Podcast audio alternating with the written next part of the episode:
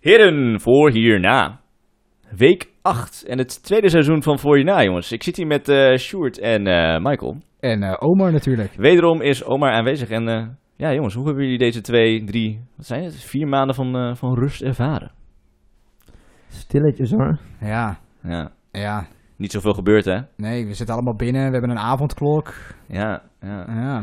Strange times, strange times. En het is natuurlijk ook een beetje vreemd dat eh, eh, de laatste keer dat we elkaar spraken hadden we nog een, eh, een Trump aan de overkant van de oceaan. Nu hebben we inmiddels een Biden. Ja. Hadden we Ja. nog ja, waar geloof in, de- in de Amerikaanse rechtsstaat. Dat hebben we ook niet meer sinds eh, de Ha- hadden we dat? Nee, nee, dat hadden we niet. nou ja, ik moet zeggen dat ik toch nog wel een beetje vertrouwen had in de Amerikaanse rechtsstaat hoor. Gewoon een- puur omdat het natuurlijk de, ja, laten we even, de oudste nog bestaande democratie is ter wereld. Mhm. Nou ja, democratie. eh, als publieke opinie geen invloed heeft op beleid, dan is het volgens mij geen democratie. Ja, maar je, je snapt wel wat ik bedoel. Nou, niet echt. Mm, not really. Nee. het, zelfs al zou het een schijndemocratie zijn. Ja, ja. Ja. ja. ik bedoel, het, het verhaal van Amerika is natuurlijk heel mooi. Ik bedoel, het was een van, wat, een van de eerste landen waarbij eh, ze echt probeerden af te komen van een, eh, van een monarchie. Ja, als, als, als Amerika dat nooit had gedaan, dan hadden we ook geen Franse revolutie gehad, denk ik. Dan hadden we Ja. sowieso niet die ja, democratische hervormingen van de afgelopen 200 jaar gehad. Ja, ja. En waar is het dan in godsnaam zo misgegaan? Geld. Ja, het is gewoon letterlijk de invloed. Ik bedoel, we hoeven het ook niet moeilijker te maken dan wat het is. Nee. Het is gewoon de, de invloed van geld eh, Ja. op de politiek. Ja, je ziet het ook gewoon dat eh, de eerste paar weken van Biden, daar zien we al een beetje dat hij zijn ware kleuren laat zien. Dat brengt ons ook bij het eh, eerste openingssegment. Zeker, ja, want als je kijkt naar wat, hoe die regeert, het is niet echt een verrassing, maar het is min of meer gewoon eh, perfect in de trend van de afgelopen 40 jaar. Een negende termijn van Ronald Reagan in mijn ogen. Ja, ja want, want leg eens uit. Ik bedoel, Ronald Reagan, wie, wie was dat precies? En, en Ehm, Ronald Reagan was de eh, stamvader, om het zo te noemen, van het neoliberalisme. Mhm. Ehm, hij eh, begon, eh, hij heeft het, het, het mantra van eh, The scariest words in the English language are I'm from the government and I'm here to help. Dat heeft hij echt gepopulariseerd. ja. En ehm, daardoor is dat vertrouwen in, in overheid ook gewoon compleet weggevallen hè, bij... eh, ja, ja, het is weggevallen omdat de overheid ervoor heeft gekozen om toen Oh. min of meer elke eh, industrie die relevant is te eh, privatiseren, zodat investeerders er geld aan kunnen verdienen. Ehm, en Ja, en de, en de arms race met de Sovjet-Unie natuurlijk weer, eh, weer aangewakkerd. Waardoor die uiteindelijk ehm, ja, toch eens even een reputatie heeft achtergelaten bij heel veel conservatieven. Van ja, Ronald Reagan is degene die met kapitalisme het communisme heeft verslagen. ja. Ja, maar je kan wel wat voor hem zeggen, namelijk onder hem is het minimumloon omhoog gegaan en onder iemand als Obama is dat niet gebeurd. En nu was natuurlijk in de VS een verhoging van het minimumloon naar 15 dollar per uur. Dat klinkt als een behoorlijke verhoging van de, wat was het, 6 of 7,56 die het nu is. ja. Ehm, Wat alsnog trouwens peanuts is. Hè? Ik bedoel, laten we zeggen Ja. inderdaad... als het was eh, meegegroeid met productiviteit, dan zou het nu 21 dollar per uur juist, zijn. Ja. Maar goed, ehm, er was een ehm, procedureel advies dat de wet waar ze dat in wilden meenemen, eh, dat het daar niet in thuis hoorde. En dat advies kon de Biden administration gewoon naast zich neerleggen.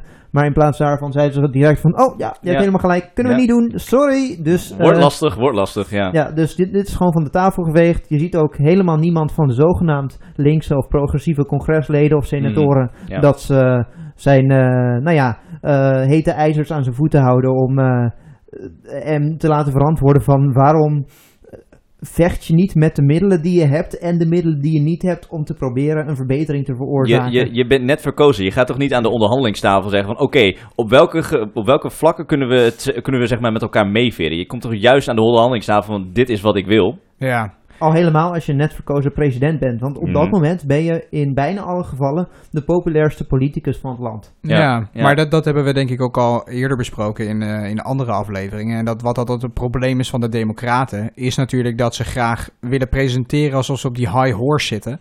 Ja. Door inderdaad ja, te onderhandelen. En wij staan open voor andere mensen hun mening. Terwijl ja, de Republikeinen natuurlijk zoiets hebben van... nou ja, jouw mening maakt mij helemaal niets uit. Maar ze zijn er niet echt voor. Dus het komt heel goed Ja. uit. Ze Ja, zoeken naar ja, een excuus Ja. om eh, die positie Precies. zich te laten. En Ja. dan zeggen, ja, we hebben ons best gedaan. Maar Ja. Als je daadwerkelijk die dingen wilde nastreven... dan maakte je jezelf hard voor bepaalde posities... en ga je je niet zo zwak opstellen. precies. Absoluut. Ja. En Absoluut. het was niet eens zo dat, het, ehm, dat ze zeiden het, het mag niet of het kan niet, maar gewoon we adviseren om het niet te doen. En dat was een totaal vrijblijvend advies. Zelfs als het niet zo is, dan doe je het gewoon wel. En dan zeg je, oké, daag ons maar voor de rechter. Wees maar degene die een rechtszaak aanspant tegen het verhogen Ja. van een minimumloon. Nu Show ben jij weer aan zet. Ja, Ja. Maar ik ben wel benieuwd. Ik bedoel, een, een vrijblijvend advies. Wat, wat, wat wordt daar precies mee bedoeld? Ik bedoel, eh, dat is vanuit een bepaalde eh, commissie uit het, eh Een, een uit de Senaat, professionele commissie. Ah, ja. uit het congres.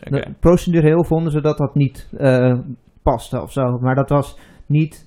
Het is eh, natuurlijk ook niet helemaal niet populair. Des te langer we hier een discussie over voeren, des te meer ze gewoon in een kwaad daglicht komen, komen te staan. Want er was natuurlijk eh, eh, een, een, een, een soort van duidelijk verschil wat ze probeerden te, te eh, overbrengen eh, toen eh, Trump tegen Biden ging. Want Biden was echt de, de, de presidentskandidaat voor decency en back to normal. Nou ja, back to normal, dat is dus gewoon terug naar de neoliberale geest die gewoon ook...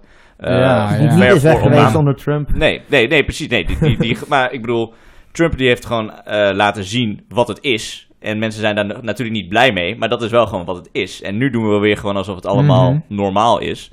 Ehm, Ja, natuurlijk hebben we wel, ik moet zeggen, natuurlijk een bepaalde mate van stabiliteit zeg maar, teruggekregen. Er Tuurlijk. zullen minder snel onverwachte beslissingen genomen worden. Ja. Maar dus nu kan je ervan ja, er uitgaan is- dat alles kut Ja, is. precies. net De status quo is inderdaad weer de status quo. En daarom denk ik dat we nu al kunnen zeggen dat ja, de komende over vier jaar of over acht jaar, dat er toch wel weer een nieuwe Trump-figuur zal opstaan. Sterker nog, een Trump die mogelijk een stuk competenter is in Ja, het eh, een stuk vestigen vaker. van zijn macht. mhm. En zolang de huidige Trump de Trump is, is daar niet die ruimte voor een competente Trump om daar te komen. Dus daarom ben ik ook gewoon om die reden er voorstander van geweest. Zorg ervoor dat je Trump niet voor iemand gaat vervangen die en eh, de voedingsbodem creëert voor de Mhm. volgende Trump. Ja. En dat de huidige Trump dan weg is om die ruimte te creëren Ja. voor een demagoog Maar- die het wel kan. Zoals Tucker Carlson of iemand van die naart. Ja, ja, Ja, ja. of zo'n ja. Steven Miller die in één keer meer charisma krijgt. Maar ehm, Kijk, Ja. kijk, Steven Miller. Steven Dat Miller, dat is... niet gebeuren hoor. Nee, nee, nee, dat jongens, jongens, jongens, even Waar. terug. Steven Miller dat is een belangrijk adviseur van, eh, van Trump natuurlijk. En die, die was ook deels verantwoordelijk voor wat? voor het hele migratiebeleid en zo. Daar Ja, was wel echt de, de de, Muslim ban. de. Nou ja, de kijk, als je- van... eh, Als je een gezicht op je duim tekent, dan De heb je ongeveer een even charismatische eh, figuur Ja. als Steven Miller. Ja. Dus eh, nou ja, daarover hoeven we ons dan nog niet echt zorgen te maken. Maar dat soort figuren, ik bedoel, die hebben wel gewoon inderdaad zuurstof gekregen. Dat is wel ja, maar Ja. er is ook niet echt een verandering geweest in beleid nu Biden president is geworden. Dus ik zal een aantal dingen opnoemen. We hadden de, eh, het minimumloon wat van tafel is geveegd om dat te verhogen. mhm. Eh, Van 6 euro nog wat naar 15 dollar. Of eh, van 6 dollar Van- naar 15 dollar. Ja, precies, van 7,50 of zoiets. Ja. Maar ehm, daarnaast is het natuurlijk zo dat ze hadden beloofd om eh, relief checks naar de hele bevolking te sturen van 2000 dollar, nadat die van 600 al waren verstuurd. Nou, toen wonnen ze dus de senaatsmeerderheid in Georgia en toen zeiden ze, oh ja, eh, plus 1400, dat is 2000 toch? Terwijl ze hadden beloofd, Hm. we gaan 2000 dollar checks versturen, dus dat waren ze toen al aan het terugschroeven.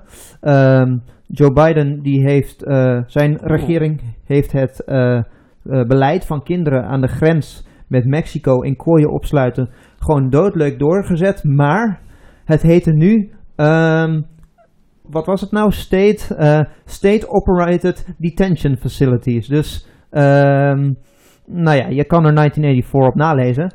Eh, Ze moffelen het gewoon Ja, weg. het is allemaal een kwestie van framing natuurlijk. exact. En, Maar en ik er moet je wel gebeurt eerlijk niks toegeven dat er anders. zijn er, er zijn er daadwerkelijk ook zeg maar, geen veranderingen in leefomstandigheden. Los van of er zeg maar, dus inderdaad kinderen eh, worden gescheiden van hun ouders. Weet ik wel dat onder Trump ze inderdaad echt in een kooi zaten met dat z'n was dertig. onder Obama ook zo. Die kooien maar- waren namelijk onder Obama Ja, nee, nee, maar dat, gebouwd. nee, maar, dat, maar is, is dat nu anders? Zeg maar, is er wel echt daadwerkelijk iets veranderd, behalve alleen de naam? Los van of ze nou wel of niet gescheiden worden? Zijn er, is de kwaliteit van leven beter? Het zou kunnen dat ze nu eventjes, omdat er aandacht voor is, proberen om dat iets ehm, positiever te presenteren. Maar, Maar dat zou sowieso onmogelijk zijn natuurlijk. Ik bedoel, ze zitten gewoon met die kooien. Ze zitten met, eh, weet ik veel, die kinderen. de- dat de, zijn de, de, de facilities die immigranten. ze hebben. Ja, inderdaad. Dus, dus eh, al zou Biden maar ik het dacht wel dat ze willen... wel, dat ze wel naar andere facilities overgeplaatst zouden worden, toch? Was dat het streven, ja? Was dat Maar ook de dat- belofte? Nou ja, kijk, het is ni- niet per se wel. Biden was niet beter, of Obama was ook niet beter op migratie dan, dan Trump. Ik bedoel, onder Obama zijn meer mensen gedeporteerd dan alle andere presidenten bij elkaar opgeteld. Onder Trump is het aantal deportaties ongeveer gehalveerd. Niet omdat Trump humanitairder was, maar gewoon omdat hij minder competent was in dat beleid uitvoeren. Ongetwijfeld. Maar Ja. Ja, ik denk inderdaad dat nog die voedingsbodem voor een, eh, een, een, een terugkeer van Trump of een tweede Trump gewoon wordt gecreëerd wederom door de Democraten. Ze zijn nu inderdaad ja, pas een maand aan de macht en het is inderdaad weer terug bij af. Ja, Ja. Zo, zo voelt het wel. En, en als we even een voorbeeld mogen aannemen van, eh, van bijvoorbeeld een eh, Bernie, van hè, wat is dan wel een, een- een, een manier van dit Ja. pitchen richting het volk? Hij zei letterlijk tijdens de eh presidentsverkiezing of eh, voor de nominatie van de ehm, eh, voor de nominatie van, eh, van eh, president worden voor de Democraten, zei Bernie Sanders van nou, wij gaan gewoon letterlijk naar elke staat en wij gaan gewoon rallyen. Wij gaan gewoon Ook voor een democraten. movement opzetten. Ja, ook voor democraten. Dus, dus Als in tegen democraten. tegen, tegen democraten die bijvoorbeeld eh, niet voor een wat, Zorgfonds zouden zouden zijn ja. of, of eh, 15 eh, dollar minimum wage. Dus dat Bernie tegen die democraten campagne zou voeren, zodat hij zijn zetel zou verliezen om iemand uit te krijgen die daar wel voor is. Dus precies, precies. Hardball Ja. politics. En, en dit is gewoon, weet je, we zitten nu weer terug in een soort van systeem. En kijk, mensen die gewoon druk zat hebben op hun, een, weet je, day-to-day, of eh, een dagelijkse job van, eh, van, weet ik veel, van 8 tot, eh, tot 6, of wat voor belachelijkse uren daar ook werken voor een eh, hongerloontje. Ehm, die, die houden zich hier helemaal niet mee bezig. Die denken gewoon, oké, nou, politiek doet gewoon nu hun werk. En, Ja. en weet je, ik uh, hoofd, gebo eh, hoofd eh, gebogen houden en de gewoon aandacht door. van de wereldpolitiek. Het en- is heel en- erg kwalijk. Ja, Ja. die neemt nu alweer af. En ik merk het ook gewoon bij mezelf. Gewoon omdat je met, zeg maar, bij Trump zat je altijd op het puntje van je stoel van, nou ja, althans ik dan. Van ja, wat, wat kan Wat het vandaag weer volgende doen? Orange Man Wat bad gaat hij precies? Ja, Ja. dat is wel, dat is waar. Maar daardoor was er zowel vanuit rechts als links veel meer interesse in de politiek en waren veel meer veel, mensen ook bereid om de straat dan op te gaan, ook Mhm. vanuit zeg maar de Democraten. En nu is het inderdaad, ja, we zijn weer terug bij af. Er is stabiliteit, dus die interesse bij mensen, die is ook gewoon Valt een beetje groot. weg. Ja, precies. Terwijl ook op buitenlands beleid bijvoorbeeld ehm, geen verandering is doorgekomen, wat ook niet te verwachten viel, al, al had Biden het wel beloofd.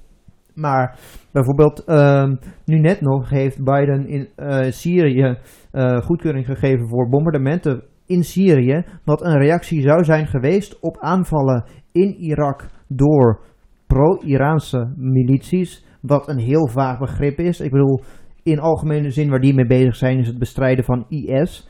En de vraag is natuurlijk ook van wat heeft de VS überhaupt in Irak eh, te Ja, zoeken om zich ja, defensief op te stellen. En dan gaan ze als reactie daarop Syrië bombarderen. Ja, Het maar dan, dan kom je ook een wel weer... grove schending van internationaal recht om een andere soevereine staat te bombarderen. Al helemaal zonder goedkeuring van de VN-veiligheidsraad. En het is ook een schending van de Amerikaanse grondwet die stelt dat voor de use of military force eh, goedkeuring van het Huis van Afgevaardigden moet worden Mhm. gegeven. En die is er niet. Dus Maar want dat is to toch zo declare, gek? to declare war. Maar als er al een... Ik weet niet, meer, dat kan me niet meer herinneren hoor. Maar is er niet eigenlijk al een conflict gaande in Syrië al de afgelopen, een beetje al acht, acht jaar? Er is geen authorization wat ze voor de use of military force, zoals het heet. Ehm, wat er is, is eh, na 2001, na 9-11, heeft het congres gestemd eh, om goedkeuring te geven voor een invasie van Afghanistan. Dat was dus de laatste goedkeuring van het gebruik van militair eh, geweld. Als reactie op 9-11, specifiek om Al-Qaeda aan te pakken. Dat gebruiken ze nu door heel het Midden-Oosten om in zeven of acht verschillende landen oorlog te voeren. Ehm, zonder, dat, eh, nou ja, zonder dat het daar überhaupt over ging. Ik eh, vind dat een mooie koppeling. Al-Qaeda, Midden-Oosten. Het eh, brengt ons naar de actualiteiten van de week. Dit is voor hierna actualiteiten van de week. Week.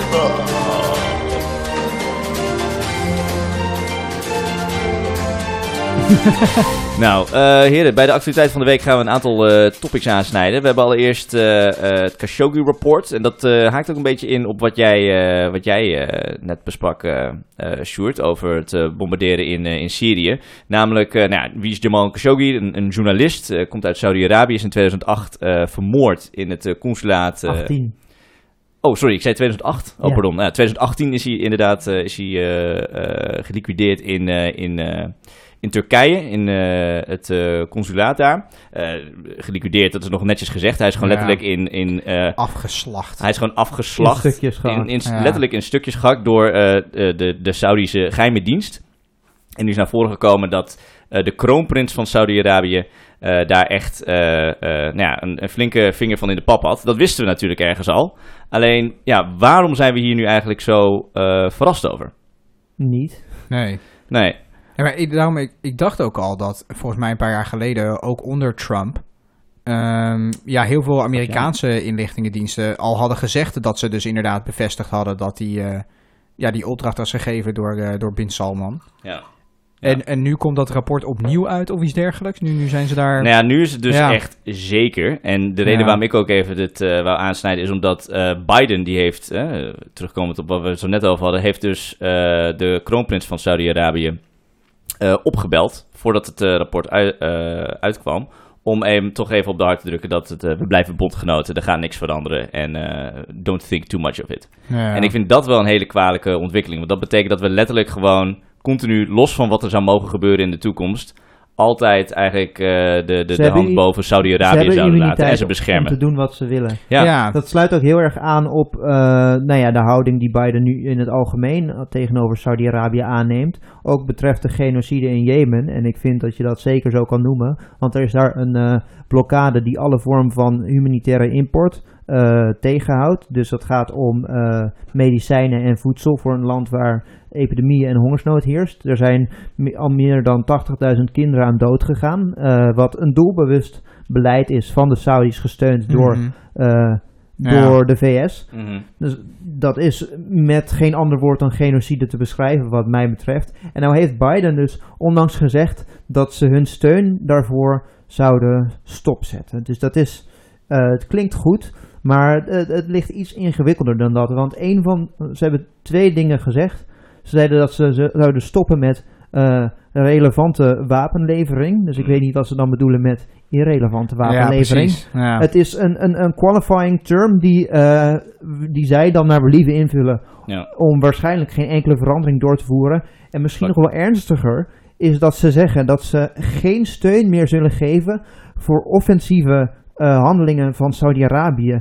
Maar vanaf de Obama-regering, al, vanaf toen al, dus in 2014 toen die oorlog begon, heeft eh, de VS die hele oorlog, die hele genocide, als defensief vanuit Saudi-Arabië beschreven. En dat doen ze nog steeds. Dus het is totaal betekenisloos om te zeggen dat ze geen offensieve handelingen Ik, ik vind, meer steunen. ik, ik vind die eh, koppeling naar eh, Jemen eh, heb je op een zeer organische manier aangepakt. eh Sjoerd, daarvoor dank. Laten we het daar zeker zo even over hebben. Maar wat ik nog wel even wil aankaarten met eh, betrekking tot het Khashoggi-rapport... is dus, we weten nu zeker dat het die eh, eh, koning bin Salman is... vanwege het feit dat zijn eigen eh, eh, gasten van de intelligence services... die zijn gewoon daar getracked. En die eh, leuten, die gaan dus geen enkele actie ondernemen zonder zijn goedkeuring. Nee. En dat is wel even een, eh, een, een, een Ja, maar is er ook zijn persoonlijke bodyguard zat er volgens mij nog Ja. bij. Dat is ook een van de, een Ja. van de mensen die er bij betrokken was. Ja.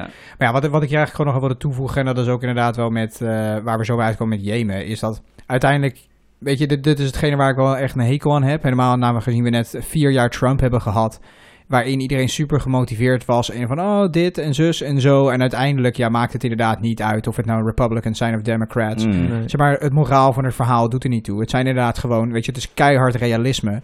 Weet je, realpolitiek. Eh, waarin, ja, macht is belangrijk en dat soort spelletjes. En, en het moraal, ja, dat, dat wordt Dan maakt het uiteindelijk niet uit welk kabinet erin Ja, zit. dat Het- maakt niet het- uit. Het gaat uiteindelijk alleen maar Ja. om die strategische machtspelletjes. Mm, ja. Maar wat ook het meest echt misselijkmakende is, is van alle mensen die hebben gezegd: Oh, als je niet voor Biden stemt, als je Biden niet steunt, dan komt dat omdat je zelf niet leidt onder het beleid. En dat is gewoon het witwassen van het leed van die kinderen in Jemen, die gewoon Ja. tot op de dag van vandaag gewoon nog in gigantische aantallen dood neervallen door beleid dat door zowel Obama als Trump als Biden wordt Want gesteund en uitgevoerd. Ik zat er zelf net wel over na te denken van dat ik wel afvroeg van ja, in hoeverre bemoeit Iran zich hier nu nog mee, weet je wel? In hoeverre steunen die nog steeds rebellen ook in Jemen? En hoe Goeie. gebruiken ze dat als excuus? Een hele goeie, want inderdaad is het zo Mm. dat eh, dat als rechtvaardiging wordt gebruikt. ehm, Ja, om die genocide uit te voeren, omdat je daar de Houthi-rebellen hebt, oh ja. die ehm, zogenaamd door Iran worden gesteund. Nou is het zo dat ze op zich wel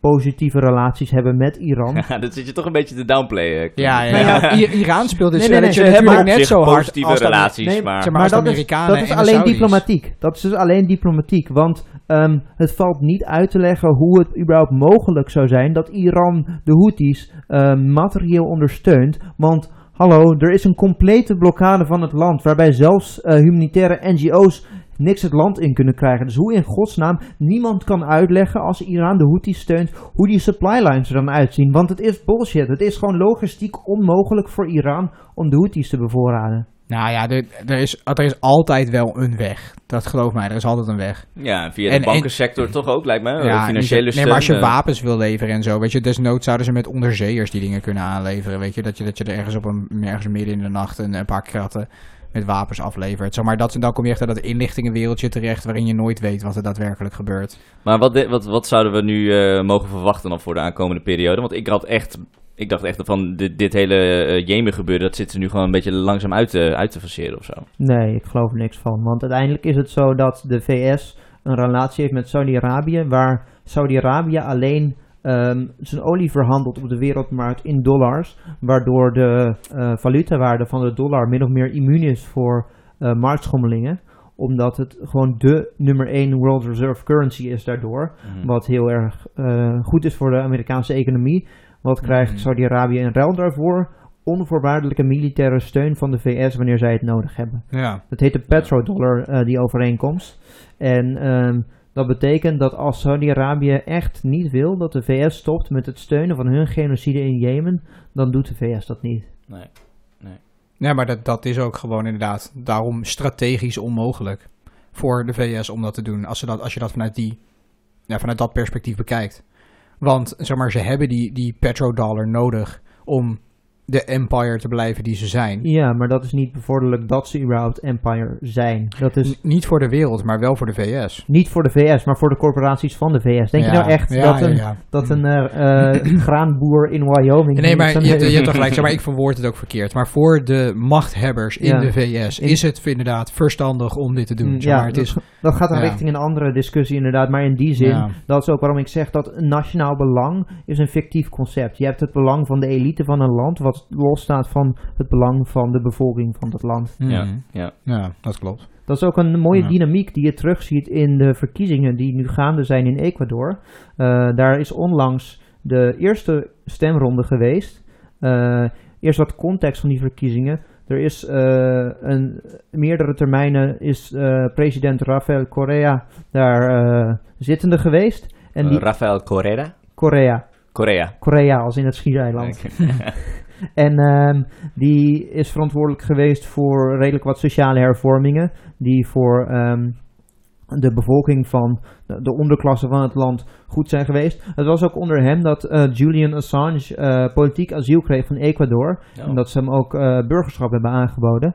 Ehm, toen was een partijgenoot van hem, want hij ging de politiek uit. En een partijgenoot van hem, Lenin Moreno, deed toen ook mee aan de verkiezingen namens zijn partij als zijn opvolger. Eh, en hij won, hij won de verkiezingen, dus hij werd de volgende president. Maar vervolgens ehm, werden de banden tussen die partij en de VS, en met name die president en de VS, heel erg aangehaald.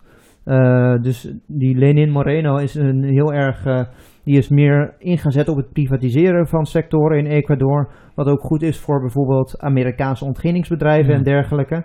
Ehm, en die heeft ook uiteindelijk ervoor gezorgd dat Julian Assange werd uitgeleverd aan eh, de Britse eh, politie. Oh, de Wat-. Wat iets is wat ook gewoon in internationaal recht ongekend is. Dat het ene land toelaat dat de politie van eh, een ander land hun soevereine gebied opkomt om iemand te arresteren. Mhm. Dat, Ja, maar dan hadden ze natuurlijk wel een, zeg maar, als je ze dan moet geloven, wel een legitiem excuus voor in het feit dat hij, zeg maar, jarenlang in die, in die ambassade bivakkeerde en daar, ja, wel gretig gebruik van maakte van zijn eigen immuniteit. Laten we het daarop houden.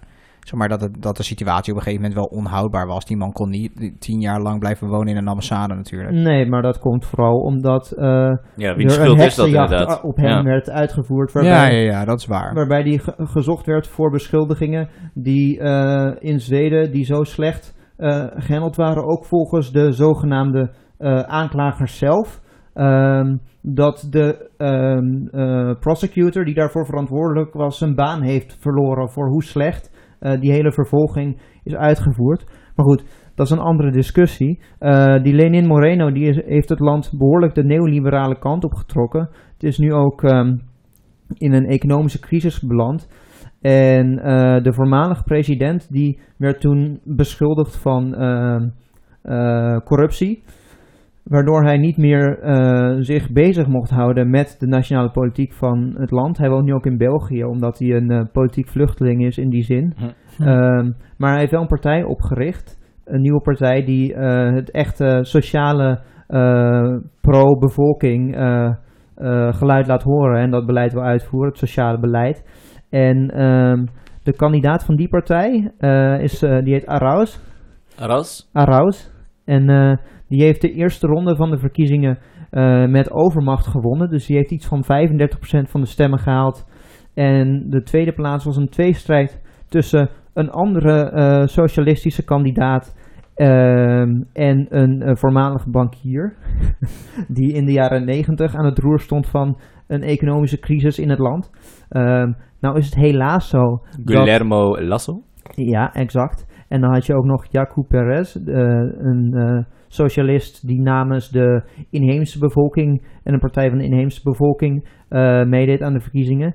Nou leek het er even op dat het een tweestrijd zou worden tussen eh Arauz en Perez, wat dus twee eh, echt heel erg sterke linkse kandidaten zijn. Dat is helaas niet zo, dus nu is het een tweede ronde tussen Arauz en eh, Lasso, dus die voormalige bankier. Ehm, maar alsnog ziet het er goed uit wat betreft de kansen van Arauz. Ehm, het is wel de vraag in hoeverre de verkiezingen de tweede ronde eerlijk zullen verlopen. Eh, dus ik, ik ben benieuwd. ehm, ik ben benieuwd of het zo is dat de, het land Ecuador zijn linkse koers, die het jarenlang heeft gevaren, zal hervatten. Of dat het eh, zal kiezen voor een voormalig bankier die het land al eerder in crisis heeft gestort. Ja. Maar als je kijkt naar wat zijn partij aan steun heeft gehad in Ja, het Raus is ook echt hele, heel jong, hè? 36 jaar. Ja, en in de parlementsverkiezingen hebben die twee partijen van Perez en van Arauz met z'n tweeën al een eh, meerderheid. En er zijn er nog twee andere partijen die redelijk groot zijn. En dat zijn ook allebei sociaal-democratische of socialistische partijen. En die Hm. partij van, eh, eh, van eh, Lasso, die heeft iets van 6% van de stemmen gekregen in de parlementsverkiezingen. Dus ik schat zelf zijn kansen heel klein in. Ehm, maar ja, we gaan het zien. In april wordt de tweede ronde gehouden. En dan weten we wie er de volgende president van Ecuador wordt. Spannend. Spannend, zeer spannend. We houden het, eh, we houden het in de gaten. En nou ja, we, we eindigen vanaf heden nu eh, elke eh, aflevering van Voor Hierna met ofwel een interview ofwel een ja, in-depth policy review. Wat ga je ons vandaag voorschotelen, Sjoerd? Ja, we gaan het hebben over een idee ehm, voor het verduurzamen van woningen in Nederland. Nou, wat misschien wel grappig is als context te geven. Wij hebben alle drie of zijn alle drie gewerkt of werken in de energiesector bij een, eh, bij een duurzaam energiebedrijf. Eh, dus het is ook wel een beetje onze eh, ja, eh, home stretch. Ehm, en natuurlijk is het nu met de verkiezingen ook de vraag van de verschillende partijen die een plan willen voorleggen hoe zij Nederland wel of niet willen gaan verduurzamen. Ehm, en ik denk dat daar eh, creatiever gedacht mag worden. Want een voorstel daarvoor, wat ik zelf zou willen doen, is als de staat een fonds zou oprichten waar je geld van kan lenen voor een ehm, eh, verduurzaming. Als Dus- consument, als, als particulier? Al, ja, precies, als Mhm. gewoon eh, huiseigenaar. Mhm. Ehm, en het idee daarvan is dan dat je, dat, dat je rentevrij ervoor kan lenen om die investering te doen. De gehele investering, eh, die kan je daarmee lenen. Eh, en om daarvoor een eh, aanmelding te doen, zal je dan voor de afgelopen twee, drie jaar bijvoorbeeld de eh, jaarafrekening van je adres, van, van, je, van je aansluiting op, in, in moeten zenden. Zodat er te zien is wat het verbruik is, het gemiddelde verbruik van die woning. Vervolgens, nadat die verduurzaming is toegepast, dus bijvoorbeeld dakisolatie om er wat te noemen, ehm, wordt het verschil in kosten wat daar uit voortkomt berekend. Besparing. Ja, de, de besparing dus in de vaste lasten. En uit die besparing heb je al een gedeelte dat je het huishouden zelf eh, die besparing eh, zelf in eigen zak mag laten houden. En een gedeelte van die besparing wordt gebruikt om die lening af te betalen. Dus dan heb je voor huishoudens een situatie waar je kan verduurzamen zonder dat je daar ehm, je spaargeld, als je dat überhaupt al hebt, in moet steken. Plus, ehm, het is een lening waarvan je vaste lasten niet omhoog gaan, maar omlaag. Ja. Ja. ja, ik vind het op zich als een, eh, als een heel goed plan. Zeker. Eh, goed plan klinken. Maar er was Heb eerder ik alleen wel- ook een subsidie. eh, ja, je had stuk, natuurlijk toch? wel subsidies inderdaad op, eh, op dit soort dingen. Eh, maar Waarom dan- doen ze nu niet zoiets als dit? Want dit lijkt, eh, dit, dit, dit lijkt me relatief recht door zee. Wat zou dan... Ja, maar die, die subsidies zijn natuurlijk alleen voor mensen die daadwerkelijk geld hebben om die investering zelf te doen. Hmm. En dan In warmtepompen is dat bijvoorbeeld. precies Ja. goedkoper dan op dat moment. Maar inderdaad, als je kijkt naar mensen die, eh, die, die niet zo breed hebben, die kunnen moeilijk, eh, ik noem maar wat, 10.000 euro ophoesten om, eh om Ja. op een zonnepanelen te laten leggen. Ik noem maar wat. Ja. Ik, ik zit er alleen wel een beetje mee. Waar, waar, waar ik het mogelijk mis zie gaan, is stel je voor dat je, dat je die lening afsluit. En het is, laten we even zeggen, de enige lening die je tot nu toe hebt afgesloten. En je raakt je baan kwijt. En je moet je huis verkopen. En ja, je gaat, je gaat huren, ik noem maar wat. Heb je dan nog steeds een lening bij de overheid lopen voor bijvoorbeeld zonnepanelen die jij niet meer gebruikt? En eigenlijk zit je nu dus in de schuld bij de overheid. Ik denk dat je nooit alle risico's zou kunnen menen. eh eh, Ja, het- het zijn natuurlijk- Je, zou de drempel gewoon een stuk eh, lager maken. ja, er is wat dat betreft ook denk ik meer maatwerk voor nodig voor dit soort situaties natuurlijk. Dat Helemaal als het de zwakkere van onze maatschappij betreft aan wie die lening verstrekt wordt. Omdat dat toch de mensen nodig zijn, de mensen zijn die een lening nodig zouden hebben en daarvoor niet hun eigen vermogen kunnen aanbreken. Nou ja, de meeste, eh, ik weet niet hoeveel mensen zijn met echt, ik weet, van het onderste 20, 30 procent segment van de bevolking qua inkomen die eh, huiseigenaar zijn. Ik bedoel, van ehm, die eh, bevolkingsgroep waar wij zelf natuurlijk ook bij horen, is het zo dat iedereen of bijna iedereen huurt. Dus dat is denk ik niet zozeer een, een eh, probleem. Ja, Het is natuurlijk wel de vraag in hoeverre je ehm, dit moet doen om eh, huisjesmelkers bijvoorbeeld eh, gratis geld te geven. Dus een van de Mhm. criteria die er wat mij betreft aan moet hangen, is dat die lening ook echt specifiek alleen ten grootte van het bedrag en voor het bedrag wat die investering kost kan zijn. ja. En Wat, wat, wat, wat ik me dus wel afvraag, is, ja, keer even tussendoor, is, want volgens mij zijn er wel met woningbouwcorporaties en zo, volgens mij hebben die wel subsidies gekregen, of mochten er, zijn er zelfs mogelijk leningen ter beschikking gesteld, als zij hun sociale huurwoningen zouden gaan verduurzamen. Dus waar, waarmee je dan uiteindelijk dit doel ook ja, realiseert. Zeg maar, tot in hoeverre is dit al daadwerkelijk het geval? En dan is het inderdaad wel niet voor individuele burgers, maar voor ja, in, de, in de sociale huursector, dan zijn er vaak ja, woningbouwcorporaties die dan tot de dienst uitmaken.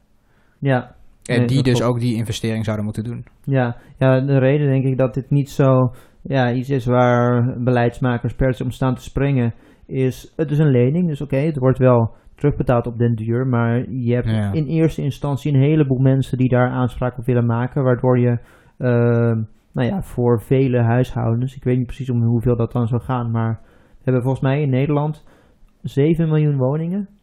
Ehm, Ik heb Eh, eerlijk gezegd geen idee. al- als, als al een half miljoen daarvan zegt van nou, we, we gaan eh, wat voor besparende maatregelen dan ook doen. Dus of dat nou gaat om isolatie of zonnepanelen voor gemiddeld, laten we dan eh, conservatief rekenen, vijf, eh, 5000 euro. Dan gaat dat toch om een behoorlijk bedrag, Mhm. wat eh, in eerste instantie moet worden voorgeschoten, wat op den duur wordt terugbetaald in eh, kleine termijnen. Ja, dus dat is inderdaad wel ehm, een bezwaar, want dat, of tenminste een zorg, omdat de staat dan een hoop geld zou moeten voorschieten. Maar dat moet je denk ik toch Ja. ook weer tot de realisatie brengen van oké, maar als het de staat, eh, als de staat niet bereid is of in staat om dat op te brengen, waarom kan je er dan van uitgaan dat individuele huishoudens dat wel zijn? Ja. Of Ja. genoeg om een impact te maken. Want Ja. het is niet zo dat Ja. één iemand zijn huis moet verduurzamen om het land duurzamer te maken. Hmm. Dat moet across the board gebeuren. Maar uiteindelijk zouden we ook als land gewoon duurzamer moeten worden, omdat het in ons eigen voordeel is. En dat zou onze overheid ook gewoon moeten beseffen. Maar dan krijg ik wel een beetje leenstelsel-vibes. In de zin van, het is uiteindelijk goed voor onze, zeg maar, burgers om zichzelf, ja, te laten bijvoorbeeld omscholen. Gewoon dat ze educatie krijgen. Dat is ook goed voor onze economie. Maar in plaats van dat we daar dus als overheid in investeren, geven we mensen een lening. En ja, ik denk uiteindelijk, ja, natuurlijk is het misschien wel eh, heel rooskle- rooskleurig om te denken van ja, ik vind dat onze overheid er gewoon in zou moeten investeren en mensen daar geen lening Ja, voor maar- zou ja, moeten verstrekken. Maar het is niet per se een lening ook in de alweer erg ne- van neoliberaal van je, Sjoerd. Nou, het is niet een lening in de, in de traditionele zin ervan. Want Hmm. het is niet... eh, natuurlijk heb je eh, bij een lening in principe dat je eerst leent... en dan gedurende een langere periode iets, meer, ho- iets hogere vaste last hebt om dat af te betalen. Maar Ja. in dit geval gaan de vaste lasten juist omlaag en je betaalt het af. Ja, En en stel je voor de- dat je 50 euro bespaart, dan mag je 25 euro in je eigen zak steken en 25 euro terugbetalen. Bijvoorbeeld. Maar je zou er bijvoorbeeld ook kunnen kiezen om sneller die lening af te lossen, mocht het mogelijk zijn. Als we in de details gaan. Ja, dat, daar mogen de... de De baas over beslissen. ja, daar mogen de beleidsmakers eh, Ja. over een ruzie maken. Maar het hele kwalijk aan, de ja. aan de leenstelsel was toch juist ook dat die, dat die basisbeurs daarmee was afgeschaft. Dat was toch het feit dat nu men alleen, studenten alleen maar konden lenen. Ja, ja, ja. Ja, precies. Maar dit het is een leenfonds waar mensen gebruik van mogen maken. Ja. Ja. En niet alleen lenen. Ja. Heren, dit is eh voor je naar onze eerste episode, week 8 eh, in, het, in het tweede seizoen. Nou, ik eh, dank jullie hartelijk.